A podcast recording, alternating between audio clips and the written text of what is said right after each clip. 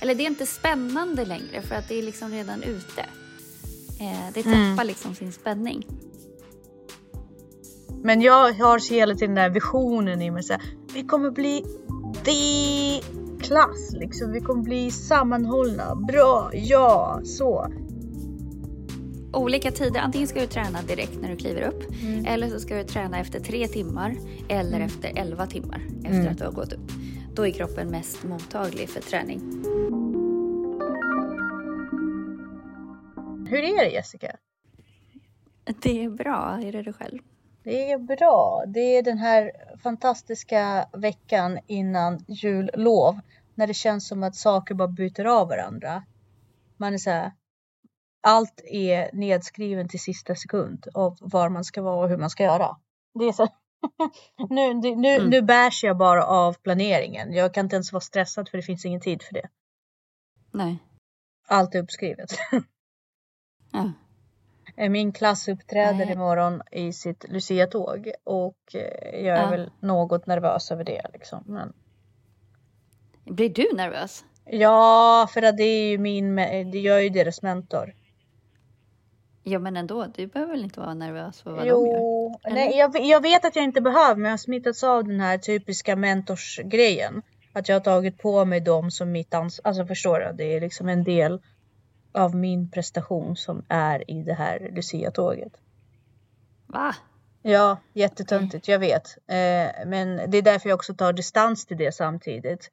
Men jag vill ju på något sätt att de ska lyckas. Eller jag vill inte på, på något sätt, jag vill att de ska lyckas. Men, men jag tror jo, att jag, det är klart. Eh, de kommer att lyckas. Men jag tror att jag, jag har varit för personligt engagerad. Det är också första gången som jag Eh, råder i det själv liksom eh, och har högsta ansvaret så att säga för den, för den klass på det sättet. Men, men det löser mm. sig. Mm. Det löser sig. Mm. Ja, och sen så bjöd vi in. och sen så bjöd vi in föräldrar på kvällen. Och det mm. var mitt i en så här ADHD eh, stund för mig. Jag bara, ja. Och sen på kvällen då bjuder vi in föräldrarna och körde för föräldrar också. Och så har vi, fam- och så har vi knytkalas och fika och det här kom jag på i oktober. Okej. Okay. Och nu är det november, eller nu är det december och jag känner så här. Jag vet inte. Men nu är alla bjudna. Nu, nu är alla bjudna, alla barn ser fram emot det och det är så här. Åh vad roligt det ska vara, åh vad roligt det ska vara. Jag bara. Hur kommer jag orka? Ja, det är bara en kväll, det är lugnt. Ja, precis, men man tar sig igenom det. Men det, det, det är nog bra att göra det. Sammanhållning och sådär. Något sånt. Mm. Ja, ja, något sånt. Men är det inte alltid ja. så med lärare liksom, eller läraryrket att man kommer på bra idéer och sen så eh, när det väl kommer till kritan så är det inte så himla kul. Eh, vi hade ju någon så här eh, dag, aktivitetsdag för eleverna och så helt plötsligt så bara var den inställd. för att någon, mm. folk kommer på att de inte orkar. Eh. Ja, men det, det, och det, det är ju lite tragiskt. Ja. Därför att man kan inte komma ut med det. Nej, det, man hade undan. inte gått ut med det. Eh, det här är eh, ett arbetslag som inte går ut med saker förrän samma morgon det ska göras. Så att, eh... Ja, det är också lite tragiskt. Ah, förlåt, det var inte meningen. Det är också lite tragiskt. Nej, men jag, jag upplever väl någonstans att jag vill hela tiden komma till en amerikansk film om en skola där det kommer in en lärare och alla knyter samman till slut och blir jättebra. Du vet, mm. typ när de åker till en tävling tillsammans och sen mm. så vinner de tävlingen för de är så jäkla bra. Mm. Och inte för att jag vill ta del, alltså inte för, mm, på något sätt för att jag ska glorifiera mig själv nödvändigtvis. Men jag vill att min klass ska komma till den här sammanhållningen. Bara kom igen nu gänget, ja nu är vi, det är vi nu liksom den känslan. Mm. Jag vill liksom så här sekta ner dem till att de ska bli vi. Mm. Men eh, jag vet inte om det är rätt ålder. Mm, det, för, för, den åldern är inte riktigt där de vill sammansvetsas på det sättet. De är mer så här jämföra sig, klanka ner på varandra. Mm. så här, utnyttja tillfället för att visa sina fulaste sidor för att de fortfarande kan. Men jag har hela tiden den där visionen i mig. Så här, vi kommer bli the klass liksom. Vi kommer bli sammanhållna. Bra, ja, så. Givetvis lite för att eh, också gynna mig själv lite i mitt eget huvud. Men det, vi kommer aldrig till den här Hollywood-stämningen. Ja. Det, blir, det blir liksom aldrig, det blir aldrig så. Utan i slutändan blir det så att jag står där, saliv sprutar. Jag bara, fan gör som du ska! Exakt. Ja, men jag tycker också att, så här, tycker inte du det eh, allt eftersom åren går, att avslutningar och alla, alltså Ja, alltså jag förstår. Jag kan säga så här. Eh, det, det man kan inte köra både och. Det är det som jag tycker är lite svårt med det här hela tiden kompromissamhälle som vi har. Mm. Antingen så är det en eh, högtid eller så här, eh, vad är det det heter? Offentlig högtidstillfälle när, när det ska vara strukturerad och ganska strängt arrangerad. Det, det, behöver inte, det, det, kan vara roligt men det ska liksom hållas regler och det ska vara på ett visst sätt. Liksom mm. väldigt så. Eller så ska det liksom inte vara någonting och varje klass får göra lite. Men när det blir både och. Mm. Och sen så har man tränat och det ska vara väldigt mycket på ett sätt. Och sen så och sen så helt plötsligt så ska det kompromissas och anpassas och så vidare. Och så blir det så här. Vissa håller jättehög standard och försöker att anstränga sig. Barnen också. Mm. Lär sig alla texter, så, står som ljus. Och andra får ha keps på sig och typ eh, sitta upp och ner och eh, deras anpassningar tillåter allt. Mm. Och jag tycker inte att eh, det är schysst. Nej. Nej. Det blir liksom inte inkluderande samhälle, det blir ett kompromissande samhälle tycker jag. Mm. Ja men verkligen. Det sänker ju standard på något sätt. Mm. Ja. Hur är det med, eh, med din sömn då nu när det är så här? Jag sover jättebra. Skönt. Ja. Upplever du att du har bättre Gud, sömn när du, nu när du bor i Nyköping än vad du hade innan? Ja, ja det skulle jag säga. Ja, jag tycker att jag har sovit supergott sedan jag flyttade mm. ut. Jag har ju absolut inte... Jag, dels så har jag aldrig varit så här tidig på att gå och lägga mig. Jag mm. lägger mig ni, alltså jag, jag sover vid nio oftast. Mm. Ibland så hoppar jag in i sängen 8.30. Mm. Helt slut. Mm. Uh, och sover mycket, mycket bättre. Uh, definitivt. Vad tror du det beror på? Oj, nej det vet jag inte. Men jag kan tänka mig att det beror på bara generella saker som att du liksom kanske har ett lugnare tempo. Det är inte så mycket stimuli mm. där du bor. Mm. Eh, kanske frisk luft. mm. Och sen också tror jag att i och med att du bor ganska off så är det ju, när det är mm. kväll så är det kväll. Alltså du störs inte av så mycket. Det är inga ljus Nej. utifrån eller ljud eller någonting sånt. Mm. Det har ju att göra väldigt mycket med de här mikrosaker som man inte lägger märke till. Det är en annan luft där ute. Mm. Jag känner inte, det är en annan ljus där ute. Det är, ingen, eh, det är inga artificiellt ljus på det sättet. Mm. Uh, det är liksom alla de här subtila ljud som signalerade det ikväll. Uh, till exempel uh, ugglor mm. och lite sånt. Så mm. det, det, kroppen har liksom ställt in väldigt mycket efter efter uh, naturen. Sen tycker jag att jag vaknar bättre också. Jag är fortfarande, jag kan vara väldigt trött på morgonen. Mm. Men jag skulle ju aldrig orka gå upp 5.30 i Stockholm. Jag gjorde ju det mm. det senaste året innan jag. Men det var fortfarande, det var väldigt motigt och uh, jobbigt. Mm. Tycker jag. Mm. Mm. Men för att jag tänkte så här, sömn är ju sjukt viktigt eh, just också för så här, hur man klarar av att hantera stress och, och sådana saker. Jag tänker på det här med ditt Lucia-firande och sådär.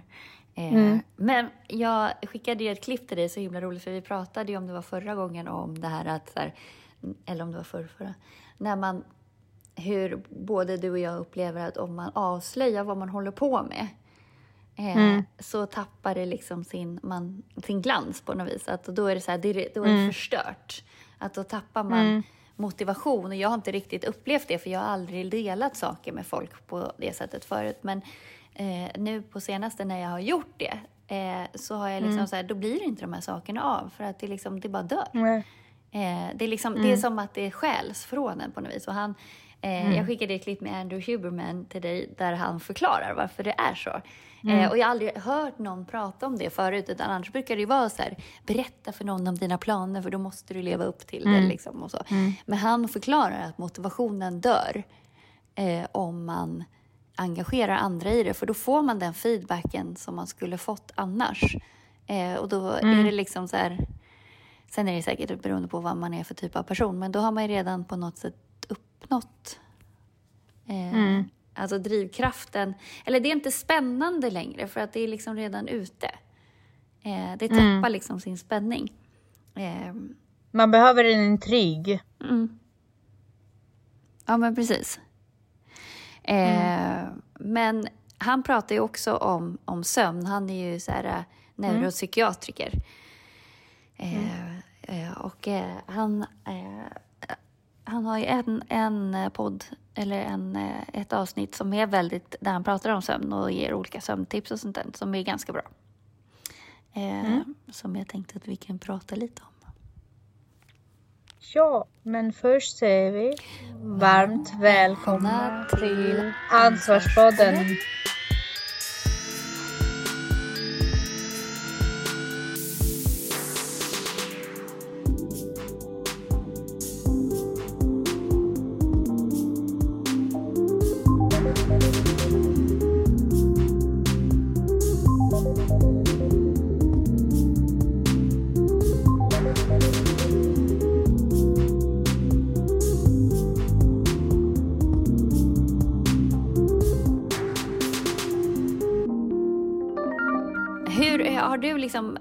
Alltid haft lätt för att sova eller så?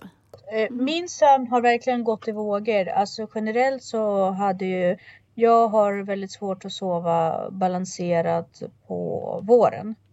Eh, mm. Mot våren blir jag väldigt orolig, ofta eh, väldigt hyperaktiv och eh, alltså det kan, jag kan sova två, tre timmar på en natt eh, mm. i flera veckor och sen så lägger det sig.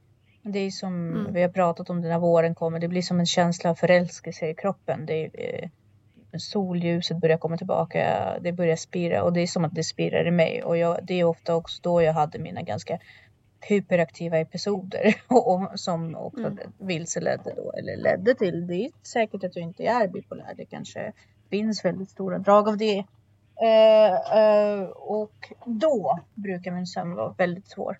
Men, men annars har du lätt för att sova och sådär? Eller? Uh, ja, det, det har jag haft senaste tiden. Jag, jag har ju väldigt uh, selektivt minne så att jag kommer aldrig ihåg svåra perioder av sömn. Jag, jag minns bara när det är extremt och jag vet att på våren brukar det vara extremt. Det är någonting som jag vet redan.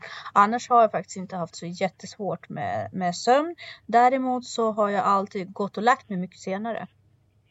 Uh, jag är en sån här person som alltid varit driven på kvällarna och varit mest aktiv mellan 9 och 12. Liksom i min hjärna. Men, men det har förändrats Oj. jättemycket nu.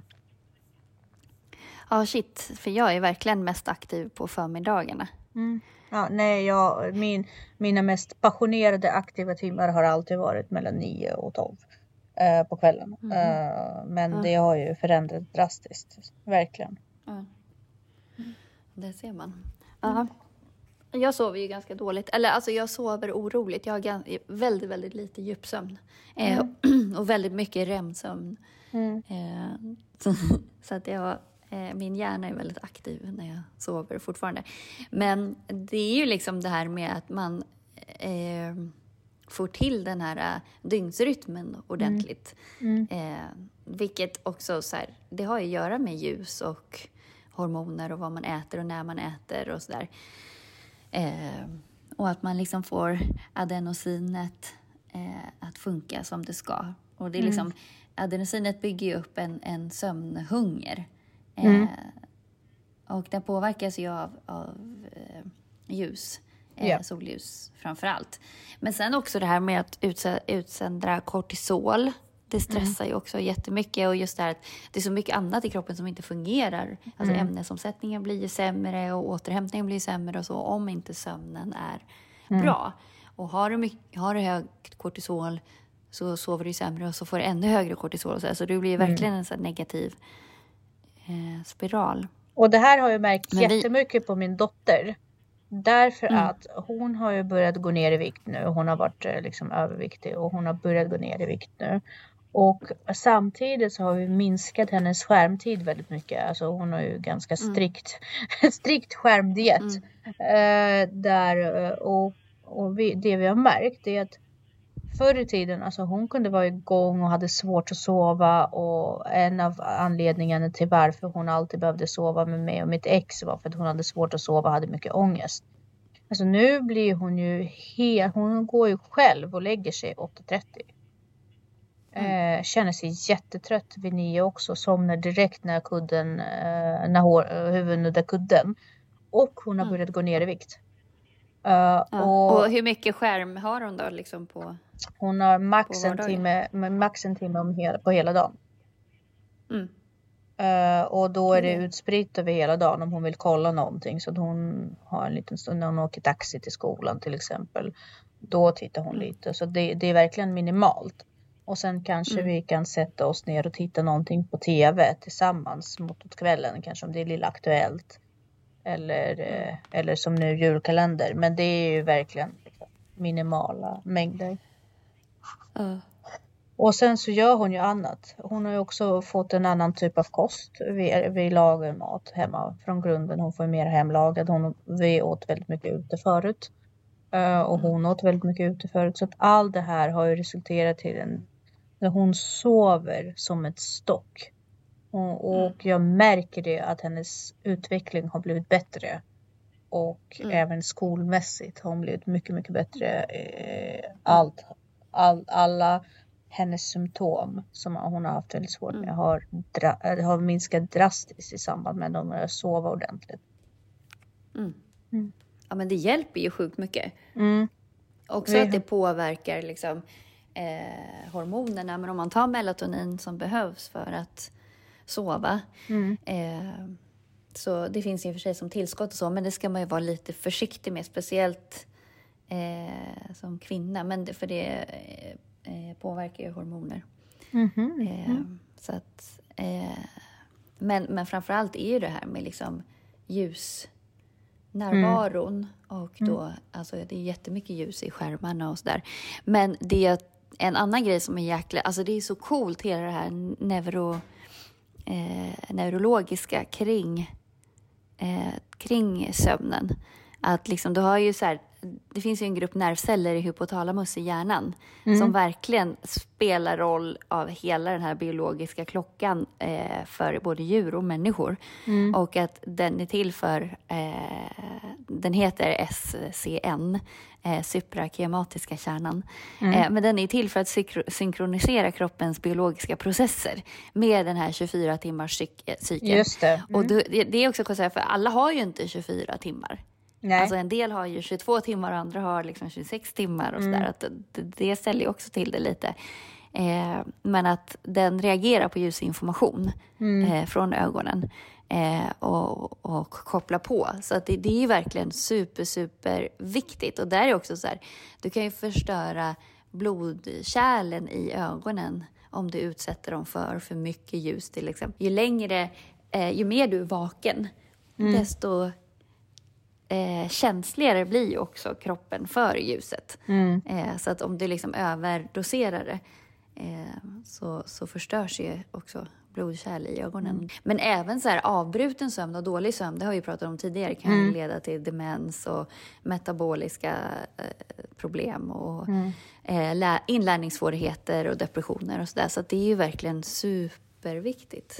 Absolut. Eh. Och du har ju pratat, eh, just när vi har pratat om sömn och eh, för, förut när vi pratade om Elisabeth så pratade du om att du har alltid låtit dina barn sova med dig så länge de har behovet av det.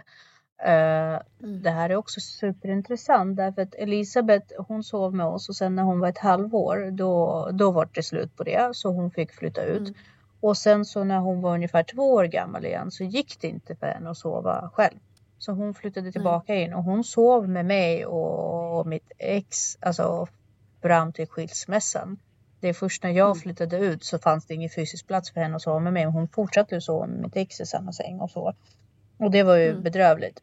Och min pojkvän, han fick också flytta ut ur sängen ganska tidigt därför att hans far blev väldigt störd av, av uh, hans sömn. Och han har också alltid haft sömnsvårighet och ångest för att somna mm. in just.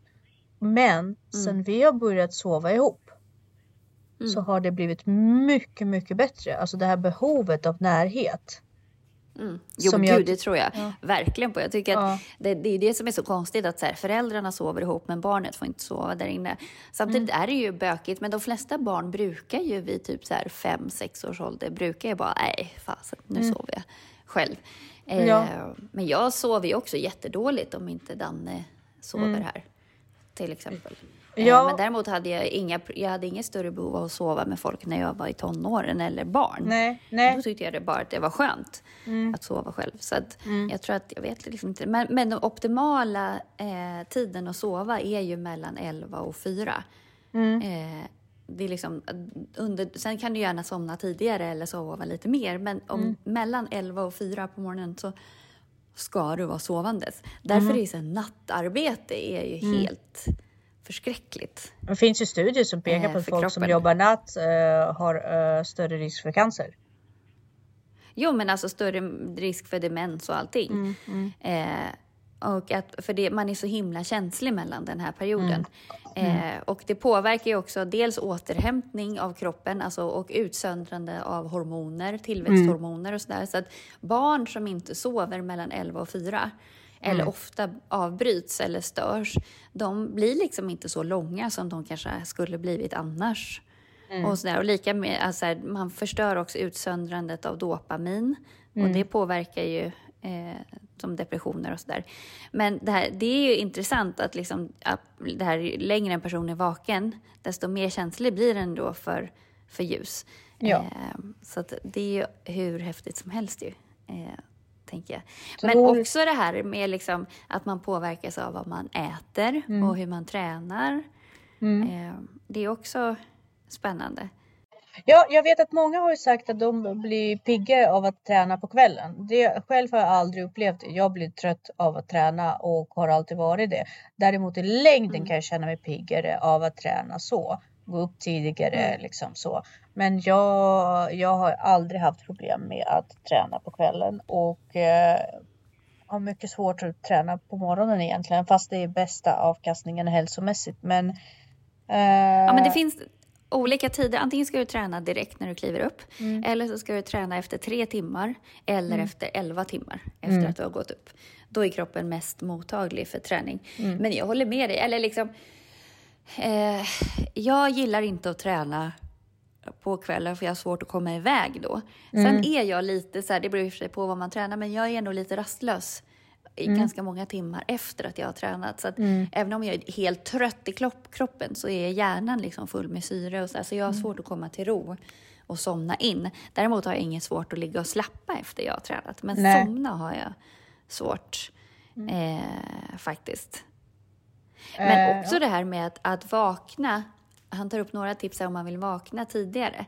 Eh, då är ju det att, här, rutiner, att gå upp mm. samma tid hela, hela tiden. Men också något som jag alltid har utövat när jag var i tonåren och man skulle upp till skolan och sådär, är att jag hade en timer på en lampa i mm. rummet mm. eh, som gick igång typ så här, om jag skulle gå upp sex så gick den igång fem.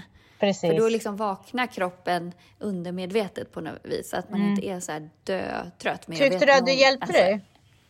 Ja, jag var jätte, mm. jätteberoende av det. Jag, men jag har fortfarande inte gardiner mm. i mitt sovrum.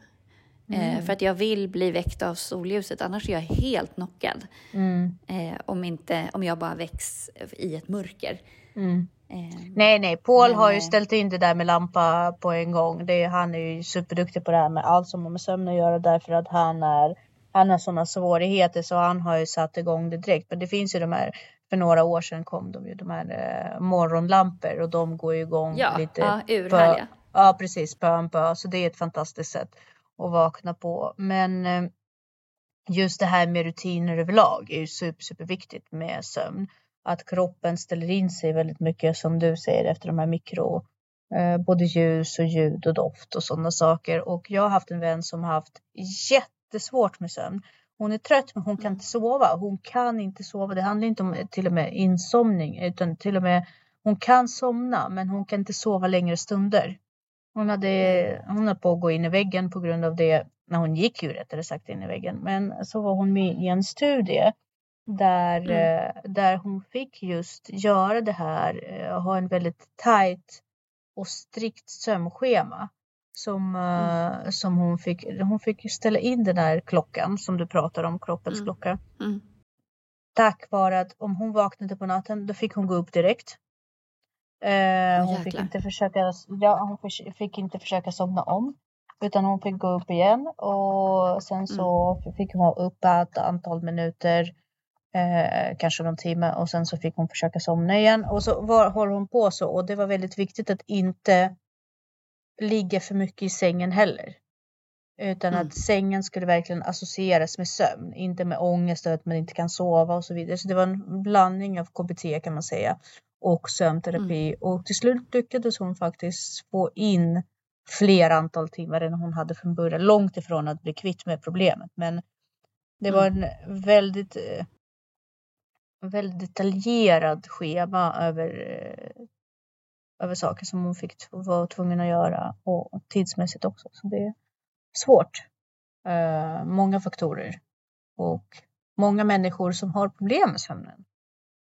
Mm. Jag jo, tror att det, det är ju super... Ja. Nej, förlåt. Nej, jag tänker att det är ju på grund av ökad stress i samhället. Alltså jag mm. uh, väldigt svårt att tänka mig att folk som på något sätt lever rätt är ju fel uttryck, men lever mm. på något sätt samstämmigt med, med naturen. Eh, med mm. uh, inte, inte befinner sig så mycket i artificiella miljöer, artificiellt ljus etc. Att mm. de har lättare att sova. Um, än folk som måste jobba onaturliga timmar i stressiga miljöer etc. etc. Ja, men också att man inte ska underskatta värdet av eh, det här liksom non-sleep deep rest som yoga, meditation och hypnos mm. och sånt där. Jag, jag kan inte ta powernaps. Alltså det går inte. Eh, jag kan inte sova om jag ska upp, alltså så här, Eh, mm. Om jag förvänt alltså ska jag sova så måste jag sova en hel natt, annars så förstör det mm. resten. Det är som att jag har tagit en sömntablett. Det är som att liksom mitt melatonin kommer liksom inte upp igen. Det utsöndras mm. för mycket och sen så är jag typ drogad resten av dagen. Då vill jag bara gå och mm. lägga mig igen och sova om jag har tagit en, en powernap. Eh, så att, eh, men, men sen så finns det också de olika eh, tillskott som, som man kan ta. Vi har ju pratat om tianin förut. Precis. Eh, men, eh, och teanin och magnesium. Eh, mm. Men däremot så, man har ju börjat tillsätta teanin i energidrycker för att kompensera ut för kaffein, koffeinet. Mm. Mm -hmm. så att, vilket känns sådär. Mm. Men sen också om man är väldigt, drömmer väldigt mycket eller får lätt, har lätt för att få hjärtklappning och sådär, då ska man ju inte ta teanin. Eh, jag tycker Nej. dock att det är så soft. Jag drömmer ju väldigt mycket och jag får ju ännu eh, coolare drömmar av teanin. Så att jag, alltså, det stör inte mig alls. Nej. Eh, sen så finns det i och för sig eh, den här apigenin som, man också, som finns i kamomillte. Eh, det är i och för sig östrogenhämmande. Så det ska man vara lite försiktig med om man eh, har lite redan har för lite östrogen eller sådär som tjej. Så att, för det är det, det, för annars säger man ju att man ska dricka kamomillte om man har svårt att sova och så där, det lugnar och så. Eh, även om du är sömngångare, då ska du absolut inte ta teanin. Eh, för, för teaninet reglerar ju, vi har, vissa har vi pratat om det, att det reglerar vissa signaler i hjärnan, att det liksom har en, en fri, påverkar frekvensen i hjärnan. Eh, det är så jävla coolt det här med hjärnan och eh, neurobiologi typ. Alltså jag, jag vet inte, har du kollat mycket på Andrew Huberman? Han är ju fantastisk. Alltså han... Nej, jag, jag har inte gjort det, men jag har ju liksom på andra sätt kommit in i det just med det här att min, min stora passion för neuropsykiatriska variationer, funktionsnedsättningar. kalla det för vad du vill. Eh, och eh, det här med, med våra matintresse och näring och så. Jag har ju kommit in på det här och jag bara shit, det, det, egentligen mm så skulle jag vilja forska i de här sakerna. Det skulle vara så himla spännande. Eller bara få tid att ja, lära gud, mig. Gå in och kolla Andrew Huberman. Äh, alltså, den människan. Det är en sån här människa mm, som man ja. typ mår dåligt av för att han är så, kan så jävla mycket och är så jävla soft. Mm. Liksom. Alltså, det är en sån här människa som man bara typ kan, alltså man ger typ upp. Alltså man, man är ingenting jämfört med honom. Mm. ja, det, det är alltid man spännande att, att, att uh, lyssna på sådana. ångest. Mm, ja, men, precis, och jag, jag, tycker väl att det är, det är ju det är pest eller kolera på något sätt eh, och att veta eller inte mm. veta. För att jag får ju också ångestpåslag av att veta mm. saker. Och ibland, det, det är liksom som ständigt med kaffe. Jag dricker kaffe, jag har tagit beslutet av att mm. dricka kaffe. Jag mm. tycker om det. det för mig är det värt eh, eventuell mm. förlust. Men man är ju hela tiden där. Det finns jättemånga forskare och eh, läkare som är så här, kaffe är jättebra för dig. Det är, det är bra för män. Det finns ju fortfarande. Det är inte bra för kvinnor. Nej, nej, nej, nej, det finns inga män. Nej, nej, nej, nej, det finns inget sånt, utan det finns två läger och sen så finns det de som bara Nej men kaffe har ett gäng dåliga, dåliga egenskaper som människor egentligen inte ska. Eh, och de ska inte inta det. Och jag får så mycket ångest för jag vet inte vem som har rätt. Eh, om vi säger så här, eh, så länge du inte som kvinna försöker skaffa mm. barn eller lider av eh, hormonstörningar eller tycker så här, lider av depressioner mm. eller ångest eller stress eller så, då är det bara drick på kaffe. Men fertila kvinnor eh, som har någon form av liksom mm eh, ja, mår dåligt på något sätt ska absolut inte dricka kaffe. Nej, Uh, och, och, ja, jag är ju i, jag, jag är ju inte jättestort intresse av min fertilitet, men, men eh, man vet inte. Men överlag så är det, men det är som med all mat. Du ska äta avokados, men också eh, så kan de vara jättemycket besprutade och, och inte odlade ekologiskt och då är det jättefarligt att äta avokados. Så det blir, jag vill bara ha en mall med vad som är okej. Okay. Jag vill liksom frigående ägg från Sverige. Det är bra. Men jag tror inte att de det är. finns. Och jag vill liksom ha de här. Avsändare och mottagare och propaganda. Och, ja. ja, ja. Men neuropsykiatri är ju också sådär. Det är som man tittar på två skolor och i vissa säger allt handlar om miljö. Andra säger det allt handlar om arv. Tredje säger det är en blandning och sen så kan man egentligen inte och det, det, det är också läskigt. Så att eh, det är en sån här eh, eh, djungel som brukar suga in mig så blir jag jätteintresserad och så gräver jag djupare och djupare och sen mm. tar det emot. Vid något tillfälle nu säger nej nu är det för mycket ångest och då släpper det helt. Ja men det är klart det är maktlösheten som slår in liksom.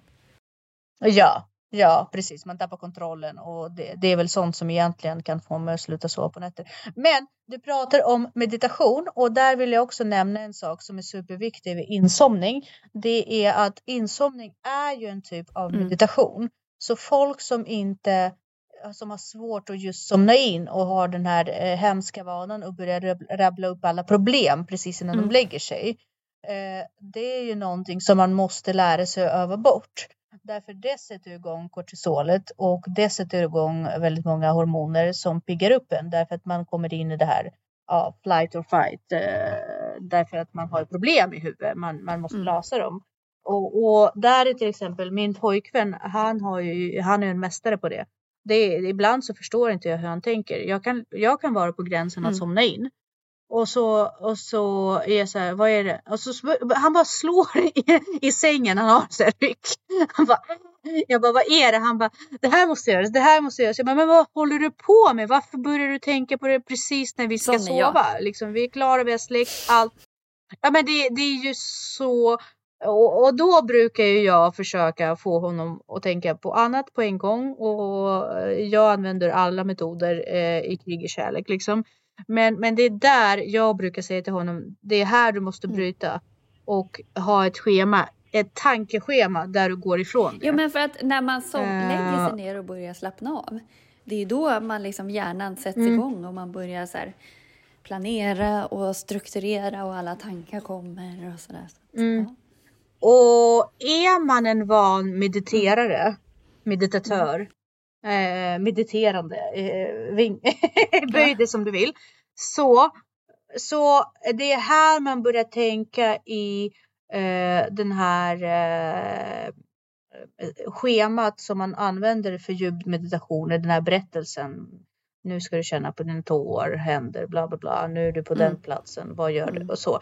Man måste hitta en sån in, mm. ingång i, till den här tankesfären eller mm. lugnet. Och det är superbra att använda meditationstekniker till det. Man får meditera sig själv till ja. sömns. För att är man medveten om att tankar kommer, då är ju kroppen lärt sig. Då, det, det, är då, det, det, det blir lika naturligt för kroppen att börja tänka problem för den har gått igenom vissa grejer. Den har känt doften av tandkräm. den känner igen miljön så bara, snart ska jag börja tänka på problem. Så det är viktigt att lära kroppen och hjärnan att börja tänka sig ifrån det också. Lättare sagt än gjort, jag vet det. Men medvetenheten är ändå första steget. Ja, och sen så det finns ju en anledning till att det här, så här räkna får.